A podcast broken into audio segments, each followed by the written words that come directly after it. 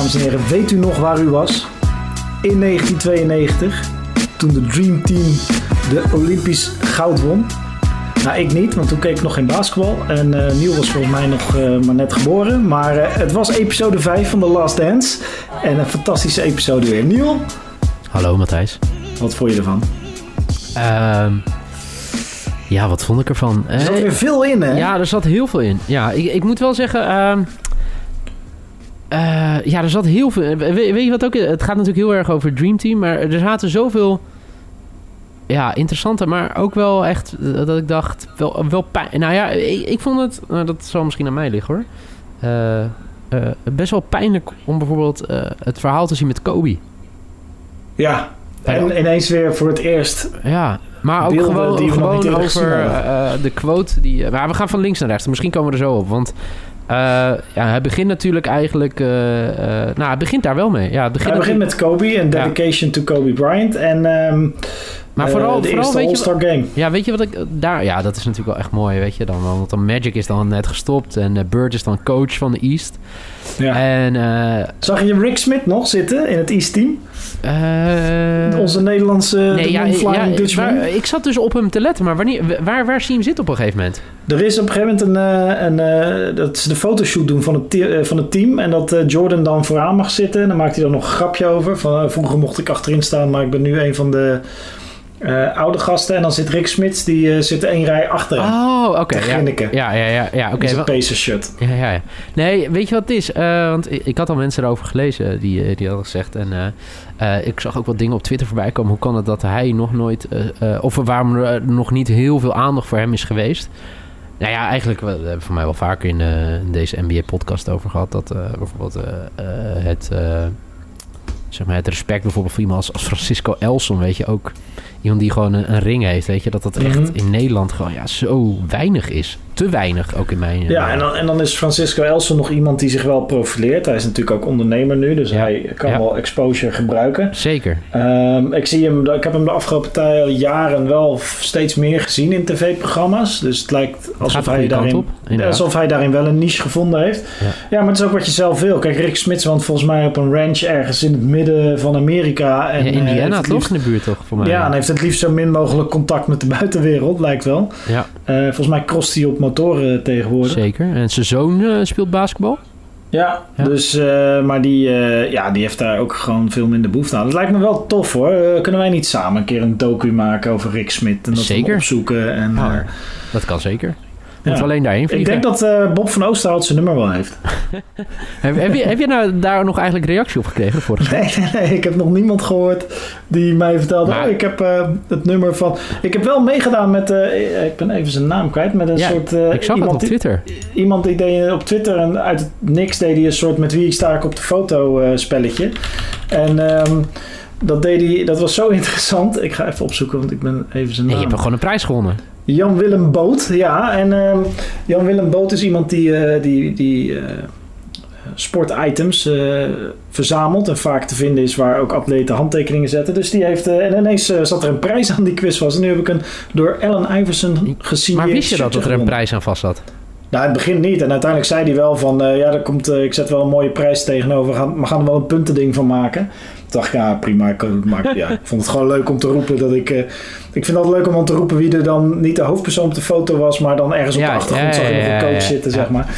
Eh, maar toen, won ik. Dus, eh, nou, helemaal blij mee. Maar goed, dit gaat al lang niet meer over eh, The Last Dance. Nee, inderdaad. Maar oh, goed, we beginnen dus met de NBA All-Star Game. Ehm, ja, Met Kobe.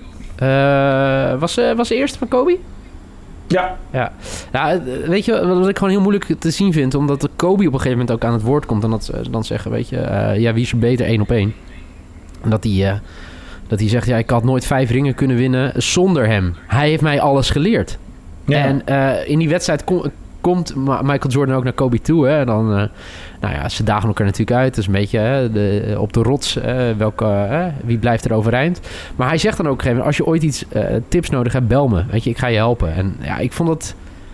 Ja, ik vind dat best wel moeilijk nu ook, weet je, om wat natuurlijk, weet je, ik vind het nog steeds heel onrealistisch dat Kobe er niet meer is, zeg maar. En dan komt dat nu zo naar voren, weet je. Hij zou eigenlijk de opvolger moeten zijn van Michael Jordan. Nou, dat kan natuurlijk ook niet, want ehm, ja, er is altijd een discussie, weet je, wie, weet je, wie is de GOAT? En eh, nou, er is altijd een discussie. Maar gewoon dat je hem nu aan het... Hij is er gewoon niet meer. Ja, ik, nee. niet, ik vind het gewoon heel moeilijk om op dat moment dat te zien, zeg maar.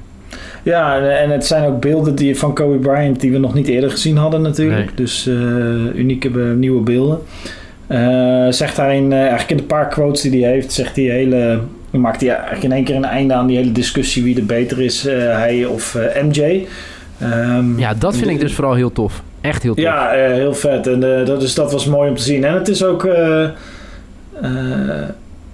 ja, het is ook een interessante storyline, zeg maar. Dus hoe Michael Jordan later een mentor werd voor bijvoorbeeld Kobe Bryant, zonder dat hij daar heel mee, mee te koop liep. Mm -hmm. tegenwoordig zie je dat toch wat meer in, uh, in de NBA. Eh, LeBron James uh, die, die maakt vaak een praatje met uh, jonge talenten. Luca Doncic bijvoorbeeld nog afgelopen seizoen. En dat nou, is meer publiekelijk. Michael Jordan deed dat blijkbaar meer dan wij wisten of dachten. achter de schermen ook. Nou, ik wil wel één ding zeggen. Dat het, het zonde is voor de wereld dat... Ehm, dat Michael Jordan niet in het tijdperk heeft geleefd waarin we nu leven met alle sociale media en alles. Nee, dat is een gekheid. Daar, begint deze aflevering ook over, hè, een beetje. Daar begint al, eh, ze beginnen al wat balletjes op te gooien over wat er in aflevering 6 ehm, ja. uh, helemaal uitgediept wordt. Namelijk dat Michael Jordan aan de buitenkant een, um, een fantastische, uh, perfecte schoonzoon, ideaal leven, altijd lachen was. Maar dat het zijn van Michael Jordan best zwaar is. En dat hij ook zijn, zoals wij allemaal, ehm, minder leuke kant heeft. Ja, nee, dat, nee helemaal eens. Ja, en... Uh, nou ja, ik, ik weet niet. Het, het, het, het fascinerende ook over hoe groot hij is komt eigenlijk al naar voren bij uh, de Jordans, uh, de schoenen, de Air Jordan. Mhm. Uiteindelijk het verhaal naartoe had ik ooit wel iets over gelezen. Dat, dat hij liever Adidas had en dat Converse heel groot was op dat moment. En Jordan zegt ook in die aflevering, weet je, dat Converse zegt... ja, maar we kunnen jou niet boven de rest zetten. Want dan zie je zo'n commercial voorbij komen. Wat natuurlijk fantastisch is, hè, met Bird en met... Magic. Met Magic. En ja, weet je, dat, ja, dat, dat is gewoon heel mooi om te zien. Maar ik snap ook wel dat zij op dat moment zeggen... ja, dat, dat het niet kan. Weet je, je kan niet iemand die dan zo jong is zeggen: ja, oké, we zien in jou echt uh, alles. Uh, we zien in jou de toekomst. We gaan jou meer geld geven of we gaan jou boven alles zetten. Nee, dat kan niet. En nou, Adidas wordt het hem ook niet. En dan, dan komt opeens Nike. En voor de mensen, Nike was toen helemaal niet zo groot. Nee, nee, nee. Dat is meegegroeid met onder andere Michael Jordan. Ja, wat ik, wat ik vanuit een, een, een marketing oogpunt heel interessant vind is dat, uh, uh, is dat Nike, dat, dat, bestond niet. Van een basketballer een soort één, één een, een branding doen rondom een basketballer, rondom een teamspeler. Ja. Uh, wat ze wel heel veel deden is inderdaad met tennis. Ze komen, ik weet niet of je de, of je de bio hebt gelezen van Phil Knight. ja, ja, zeker. Ja, de, de oprichter van Nike. De oprichter van Nike samen met die, ik ben even zijn naam kwijt, maar die... die, dat is zeg maar het genie achter de schoen. Ja. die, die, die, hardloop, die de hardlooptrainer. Um, ja, ze zaten in het hardlopen en in het tennis en niet in uh, basketbal. En het is natuurlijk, uh, ja, er komt niet helemaal naar voren wie uiteindelijk daar de, de, aanstichter voor was. Maar, maar dat kan natuurlijk David Falk zijn, de agent. Het kan Nike zelf zijn of iemand bij Nike die uh, daar slim op inspeelde of Michael Jordan. Maar het is natuurlijk briljant om van zo'n speler een gezicht te maken. En we hebben het er ook wel eens over gehad in onze andere podcast over de NBA. Dat het verschil tussen de NBA en alle andere sporten is natuurlijk dat en er staan maar vijf spelers per team op het veld die heel zichtbaar zijn. Je kan boven op het veld zitten, maar ook de camera's zitten dicht op het veld. Dus mensen komen echt zeer herkenbaar in beeld in tegenstelling tot bijvoorbeeld American football. En uh, daardoor nou, zeggen we nu de, natuurlijk worden dat enorme sterren. Maar Michael Jordan was daarin de pionier, was er in de eerste. En die schoenen zijn gewoon, ik heb ze volgens mij nu zelfs aan. Um, ja, Jordans 1, ja. Speciaal voor die podcast. Mooi dat het een podcast is. Dan... ja, nee, ik kan alles roepen nu wat ik wil natuurlijk. Nee, maar ik heb uh, uh, Air Jordans 1 aan inderdaad. De, de, de reissue, zou ik maar zeggen. En dat, um, ja, daar is hij, hij, is, hij is dat helemaal begonnen. Dat, dat uh, niet zozeer begonnen als schoenen in basketbal. Dat bestond wel, zoals inderdaad ja. de Converse. En Puma heeft in de jaren 70 ook wat, wat, wat ermee bereik mee gehaald. Maar ja, dat, dat je eh, één persoon koppelt aan één schoenmodel en eh, daarmee aan de haal gaat. Ja, dat was natuurlijk weergeloos. En, en dat moet ook uitpakken, zo'n gok. Want voor hetzelfde Nou was ja, Michael Jordan... dat soort- vooral, weet je. Maar het, het is natuurlijk wel een fascinerend verhaal dat hij eigenlijk helemaal geen zin heeft. Om die Nee, kant, nee, nee. Weet je, dat, dat vind ik het allermooiste. Hij, hij wil eigenlijk helemaal niet naar Nike. En dan zegt zijn moeder op een gegeven moment... Ja, maar luister eens, Michael. Laat, ga ze gewoon eens een keer aanhoren. En dan komt hij daar Ja. aan. Dan zie je nog eh, zo'n eh, zo'n eh, ja, weet je, zo'n zo'n slinger hangen met, alle, met zijn naam erop. Welkom, Michael, to Nike en zo. En, ja, en dan doen ze uiteindelijk hem een aanbod van, mij, hè, van een kwart miljoen. Terwijl de meest...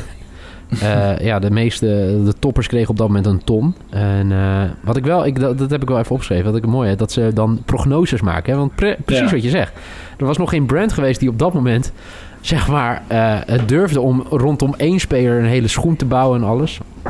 En eh, de Air Jordan wordt dan uitgebracht, hè, want eh, Nike heeft dan een hele, zeg maar, een nieuwe schoen ontworpen. Nou, Air Jordan bij elkaar.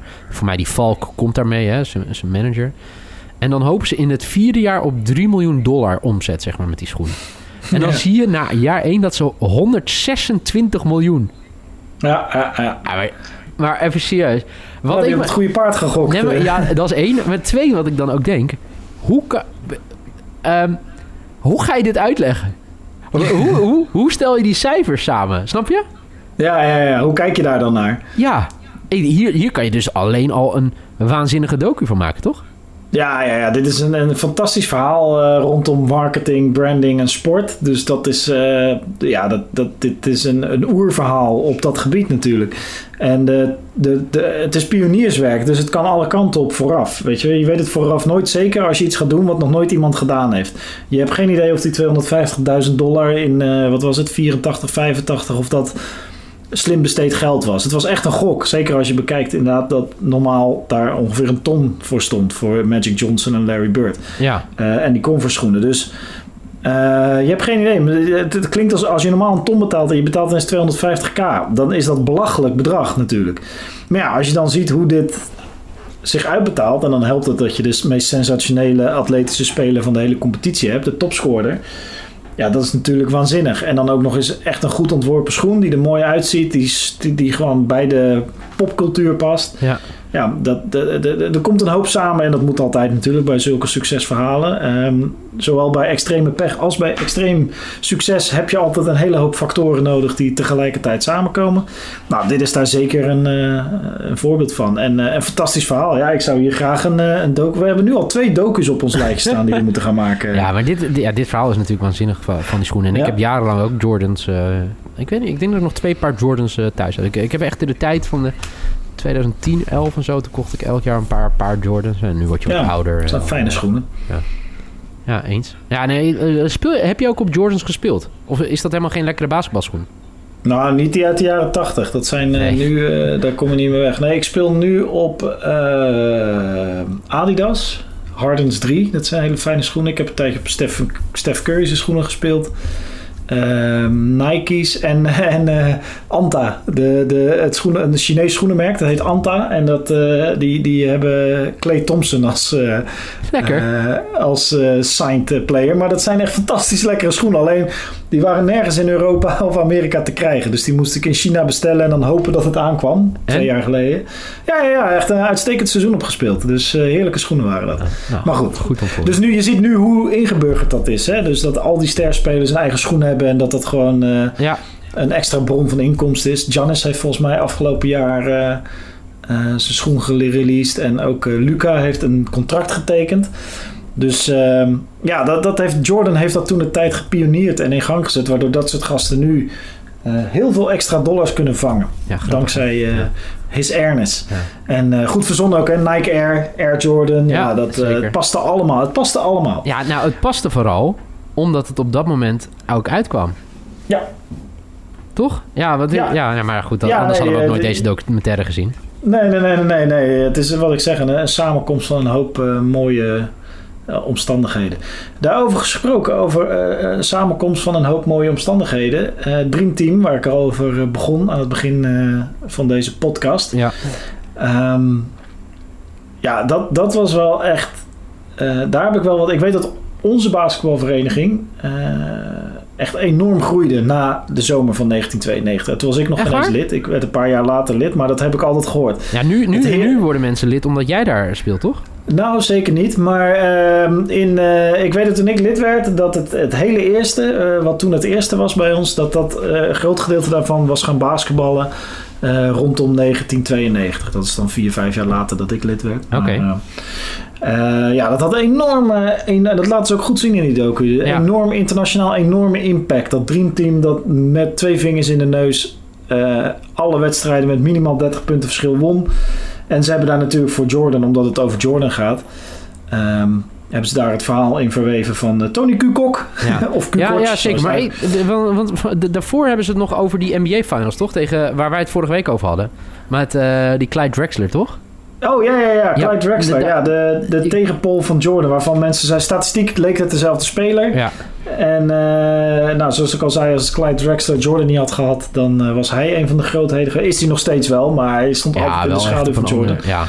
En eh, die kwamen in de finale. Het is, het is een van die finals, eigenlijk moet ik zeggen, van de eerste drie kampioenschappen Ja, van zeker. de Bulls. Weet ik vrij weinig. Nou, weet en je dit wat... is ook zo'n. die shrug, die, die, dat hij zijn schouders ophaalt. Ja, ja nou, omdat hij in, in game 1 eh 7 3-punters erin schiet. maar vooral het verhaal wat ik daar zo mooi vind... is dat hij de avond daarvoor... Dan is Magic dus, eh, zeg maar, commentator voor mijn NBC of zo. eh, geen idee. Ja. En die zijn dan de avond daarvoor gaan, gaan kaarten. Ja. En daarin geeft Jordan dus al aan... I'm gonna kill that guy. Ja, niet echt eh, iemand vermoorden. Maar hij, hij heeft hem dus echt op het veld vermoord. En daarom kijkt hij dus ook de hele tijd naar, naar, eh, naar Jordan. Of eh, naar Johnson. Naar Magic. Elke keer als hij Eh. zo'n driepunter eh erin gooit... dan kijkt hij dus naar de bank. In ieder geval, Ja. dat zegt eh, Magic, hè? Maar... eh, Ja, ik kijk naar de, de, de commentatorstafel die aan het veld staat. Ja. Ja, en ik, ik, ja, weet je, wat, eh, en dat komt natuurlijk wel vaker voorbij. Kijk, het, eh, hij is natuurlijk mega arrogant, hè? Hij, Mhm. ik denk als je alfaman op, in het woordenboek op, op, opzoekt, dan staat daar Michael Jordan. Zeker. Maar er zijn weinig in deze wereld die het ook daadwerkelijk echt laten zien. Elke keer weer. En ja, dat, dat is hij natuurlijk wel. Zeker als jij zegt de avond daarvoor je bent aan het kaarten. Ja, ik kaart ook wel eens met mensen. En dan ja, kan ik ook wel dingen zeggen. Maar dat je dan de dag daarna het, ja, gewoon het, record verplettert voor het aantal punten in een helft. En dat doet hij gewoon. Ja, dan, dan, ja, dan, Met drie punters. ja, dan ben je echt een grote. En drie punten waren nog niet echt het wapen wat ze de afgelopen jaren zijn geworden. Nee. Wel belangrijk, maar... ehm, ja, maar dat, dat, kijk, dat onderscheidt denk ik de, de, de, de goede spelers van de allerbeste. Is degene die in zulke wedstrijden, game one van de finals... eh, voor zichzelf een extra uitdaging, een extra wedstrijd in de wedstrijd kunnen creëren. In dit geval zijn afspraak met Magic Johnson dat hij Clyde Drexler alle hoeken van het veld zou laten zien. Ja, Ik bedoel, de meeste spelers, als ze game one van de finals moeten spelen, zijn al lang blij als ze gefocust zijn en goed genoeg zijn en geen fouten maken voor de wedstrijd zelf. Maar Jordan gooit er nog een extra game bovenop voor zichzelf om het nog wat lastiger te maken. Volgens mij, ik, ik weet van Larry Bird dat hij een keer een wedstrijd alleen met links ging scoren, geloof ik. Ehm, gewoon omdat hij zich verveelde. Ja. dan ga ik gewoon deze wedstrijd alles alleen met links doen. Weet je, wel. hij was zo goed dat je een wedstrijd in een wedstrijd kan creëren. ja. krankzinnig eh, Jordan, kon? Jordan kon het ook, ja. En eh, nou ja, eh, eh, eh, na die finals speelt hij, eh, volgens mij, is dat na die finals, speelt hij eh, in het Dreamteam met Clyde Drexler zelf. Zonder Isaiah Thomas. Ja, dat is wel hadden. echt nog mooi. Dat vind ik wel echt mooi. Want iedereen zegt altijd Jordan, Jordan, Jordan als schuldige. Maar je ziet dan ja. dat hij eigenlijk gewoon met de hele wereld ruzie heeft, toch? Ja, Hij heeft ruzie ja, met Bird. Hij heeft ruzie met vergeten- Magic. Hij heeft ruzie met Scotty. Niet vergeten, je krijgt zo'n docu als deze met de access tot, tot Michael, al die interviews met Michael, alleen als je het perspectief wel een beetje vanuit de hoek van Michael Jordan laat schijnen. Ben ik met je eens, natuurlijk. Dus er zitten wel veel dingen in waarvan je nu in de docu te horen krijgt. Nee, Michael Jordan was niet zo'n grote klootzak. Hij was niet de enige die dat deed. En wordt het een beetje afgezwakt. Ja, En dat, en dat gebeurt eh, zeker in aflevering 6 nog een paar keer. Eh, wordt het toch een beetje. Het wordt in een perspectief geplaatst. En dat is ook terecht hoor. In, sommige, in veel gevallen is dat gewoon terecht. In dit geval, het zal ongetwijfeld. Maar eh, eh, ja, we weten alsnog niet wat er echt speelde. Nee, tuurlijk maar het is wel, maar- ja. wel, wel een feit dat een hoop mensen een scheidhekel aan Isaiah Thomas hadden. nou, het kwam meer naar voren dat het dus niet de enige. Ja. Nou, hij had ruzie met meerdere Ja. eh, mensen gehad. Ja. Maar ehm, kijk, wat ik nog wel heel mooi vind om, om, om te zeggen. Kijk, we hebben het al vaker gehad dat het een waanzinnige docu is. Maar je, je had hem ook niet kunnen maken zonder Michael. Laat ik het zo zeggen. Ja, je had hem ook kunnen maken. nee, maar ja, dat was, dat was een heel ander verhaal geworden. Dan had je ook niet... Ja, kijk, deze docu had je alleen moet, moeten maken met Jordan die uitleggen hoe bepaalde dingen gingen. Want anders wordt het Tuurlijk. toch heel anders. En dan kan je nog steeds een mooie docu maken. Maar je wilt juist de GOAT horen, toch? Ja, ja, ja. Nee, eens, eens. Dus dan, eh, dan moet je concessies doen. En dan, eh, of je nou wil of niet, eh, kleur je het toch een beetje in zijn vakjes in, zeg maar. Ehm, en dat is niet erg, want ik bedoel, eh, het is een waanzinnige documentaire. En eh, zelfs de anekdotes die ik al honderd keer heb gelezen en gehoord zijn fantastisch om nog een keer uit de mond van de inderdaad de betrokkenen zelf te horen. Met name ehm, Michael Jordan. Dus dat, ehm, eh, ja, dat is echt dat is tof. En dat Dream Team verhaal is natuurlijk mooi. En daar is altijd het bekende onderliggende verhaal. Is eh, dat ze daar, eh, dat Tony Kukoc inderdaad eh, bemind werd door Jerry Krause. Die er elke aflevering weer lullig afkomt. Ehm, Tony Kukoc speelde voor Kroatië. En Powerhouse die ook in de finals kwamen uiteindelijk. Ja. Maar ook in de groepsfase tegen de, de USA moesten spelen. En de USA heeft, of tenminste Pippen en Jordan, die hadden een, hadden een hekel aan Kukoc. Niet om, vanwege Kukoc, maar omdat Jerry Krause hem een fantastische speler vond die overwoog om hem meer geld te betalen dan Pippen. Ja, ik, Sterker ik nog, vind het wel heftig hoor. Echt. Ja, Ja, en wat me dus elke keer opvalt, is dat hij Jerry Krause op een of andere manier constant in zijn kaarten laat kijken, bewust of onbewust. Eh, Hij geeft elke keer van tevoren aan: dit is wat ik van plan ben, dit is wat ik ga doen. Ja. En dat heeft dus consequenties. In het laatste seizoen, waar eigenlijk de hele docu over draait, is het het feit dat hij gezegd heeft dat Phil Jackson absoluut niet terug zou komen als coach. En eh, in eh, dit, eh, rondom dit Dream Team verhaal is het omdat hij duidelijk laat merken dat hij Tony Kukoc interessant vindt. Zo interessant zelfs dat als Kukoc wil tekenen voor meer geld dan Pippen, dat hij, dat hij, dat hij Pippen laat wachten tot Kukoc tekent. En Ja. misschien Pippen dan wel trade. Ehm, Maar die Kukoc, dat is wel mooi. Want voor die, er is natuurlijk heel veel te doen over Dream Team. Ja, het is echt krankzinnig. We moeten het zo nog maar even hebben over die training in Monte Carlo. Waar, waar misschien wel de allerbeste basketbaltraining ooit heeft plaatsgevonden. Mhm. Maar vooral Ja. die wedstrijd tussen Kroatië en, eh, en Team USA. Dat voor de wedstrijd zegt Jordan... Hé hey, jongens, Kukoc, kijk geen eens naar hem. Laat hem maar. Scotty en ik nemen hem op. En dat Kukoc op dat moment in het veld zat van... Die, die, die had geen idee wat hem overkwam, hè? Nee, nee, nee. Die dacht, wat is dit? Ja. Die dacht, leuk, leuk spelen tegen Dream Team. Leuk, gezellig. Ik ga even laten zien wat ik kan. En dat Scotty na afloop ook zegt... Weet je, als hij niet tegen druk kan of zo... Hè, dan heeft hij ook helemaal niks in die NBA te zoeken. Dus dan heb je hem al kapot gemaakt op het veld. Ja, ja, ja, Maar ja, ik vond het best wel heftig, hoor. Echt. Dat, je- dat, je, dat, je, dat je dan zo... Ja, ik weet niet. Ja, je, je maakt toch echt iemand echt bewust eigenlijk wel kapot. Ja, en dan is het dus mooi dat ze daar het, het, het, het, het perspectief van de burgeroorlog bij pakken in Joegoslavië, die net eh, dan eh, is geweest.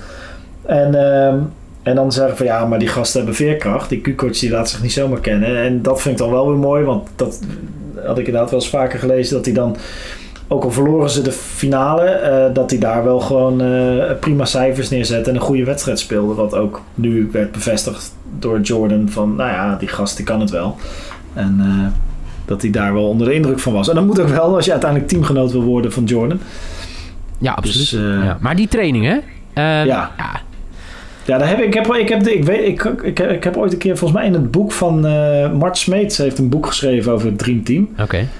En ik weet, ik kan me uit dat boek herinneren dat David Robinson, center Ja, van de Spurs, dat hij op die training tijdens dat potje ook een bal heeft geblokt tegen de bovenkant van het bord. Dus echt boven bovenkant. Dus dat er gebeurde op die training. Kijk, en nu pak ze het perspectief van eh, dat, eh, dat Jordan daar Magic eh, en Jordan het het aan trash talken zijn. En dat Jordan eigenlijk de, de kroon overneemt van beste speler, leider van de NBA. Ja. Ehm, in een waanzinnig eh trainingspotje. Wat ook echt geen gezellig potje was, denk ik. Nee. Maar er gebeurden dus ook andere sensationele dingen in dat potje. Dus dat, eh, ja, het schijnt een van de allerbeste oefenpotjes geweest te zijn ooit ter wereld qua basketbal. Ja, en dat gaat vooral omdat op een gegeven moment Jordan wordt uitgedaagd, eh, eh, zeg maar, uitgedaagd. Ja, En ehm, ja, dat vind ik wel mooi. Hij wordt dus uitgedaagd, staat acht punten achter. En Magic kijkt ook zo. En dan twee keer knipperen met je ogen en staan twee punten voor. En uiteindelijk eh, tieft hij ook gewoon een basketbal gewoon naar de hoogste ringen. eh, Magic, omdat eh, Michael weer een, een, een call meekrijgt en dat soort dingen. ja. En na afloop is het ook gewoon stil in die bus. Totdat, eh, voor mij, ja, ik weet niet, Magic of hoe heet die? Magic, ja. Ja, en we- weet je, het ging tussen Magic en hoe heet die andere knakker nou? Was het Charles? Ja, dat denk ik wel. Dat Ja. Magic tegen Charles zei... we hadden hem niet eh, uit moeten dagen. we hadden hem misschien niet zo boos moeten Ja. maken. ja, dat is toch machtig mooi, toch? Ja, heerlijk. En daarna is het En- lachen, gieren, brullen natuurlijk. En dan, eh, ja, maar dan is het ook de, de, zeg je dat, de spanning uit de lucht. En eh, ja, dat is wel, ja, die beelden zijn mooi van dat potje. Volgens mij staan ze ook ergens, staat het potje ook ergens, dat weet ik niet zeker. Dus Kun je het ook ergens, ik heb het volgens mij wel eens meer langere beelden ervan gezien. Maar, ehm, Oké. ehm, maar ook, aan de andere kant zijn dat ook wel dusdanig legendarische eh, potjes dat je misschien beter genietenbeelden ervan kan zien. Omdat het beter werkt in de legende, zeg maar. Eh, niet, ja, eh, ben ik het misschien wel met je eens, ja. Maar ik moet zeggen dat de beelden die je zag waren... ja, dat zag eruit alsof Jordan redelijk de broek aan had. En ja, daarna wordt hij een internationaal fenomeen. Hè? En, Dat komt ook wel, denk ik, door dit, toch? Ja, door dit soort legendes en, eh, en door de Dream Team, eh, door dat seizoen. Of eh, door die Olympische run. Want dan ben je natuurlijk ineens... Kijk, basketbal is... Nu is het al lastig om basketbal te kijken... ondanks dat we gewoon live 4K op mobiel kunnen kijken naar de NBA. Ja. Puur vanwege het tijdstip. Nou, in die tijd was er bijna geen NBA te zien elders in de wereld. Dus, maar Olympische Spelen in Barcelona betekenen dus NBA-spelers... Die je, waar je normaal alleen over las... of waar je videobanden met highlights van moest zien te scoren... Ja. Ehm, die waren nu primetime eh, volledig live te zien op tv. Ja, dat heeft natuurlijk... Dan zie je ineens hoe goed die gasten wel niet zijn.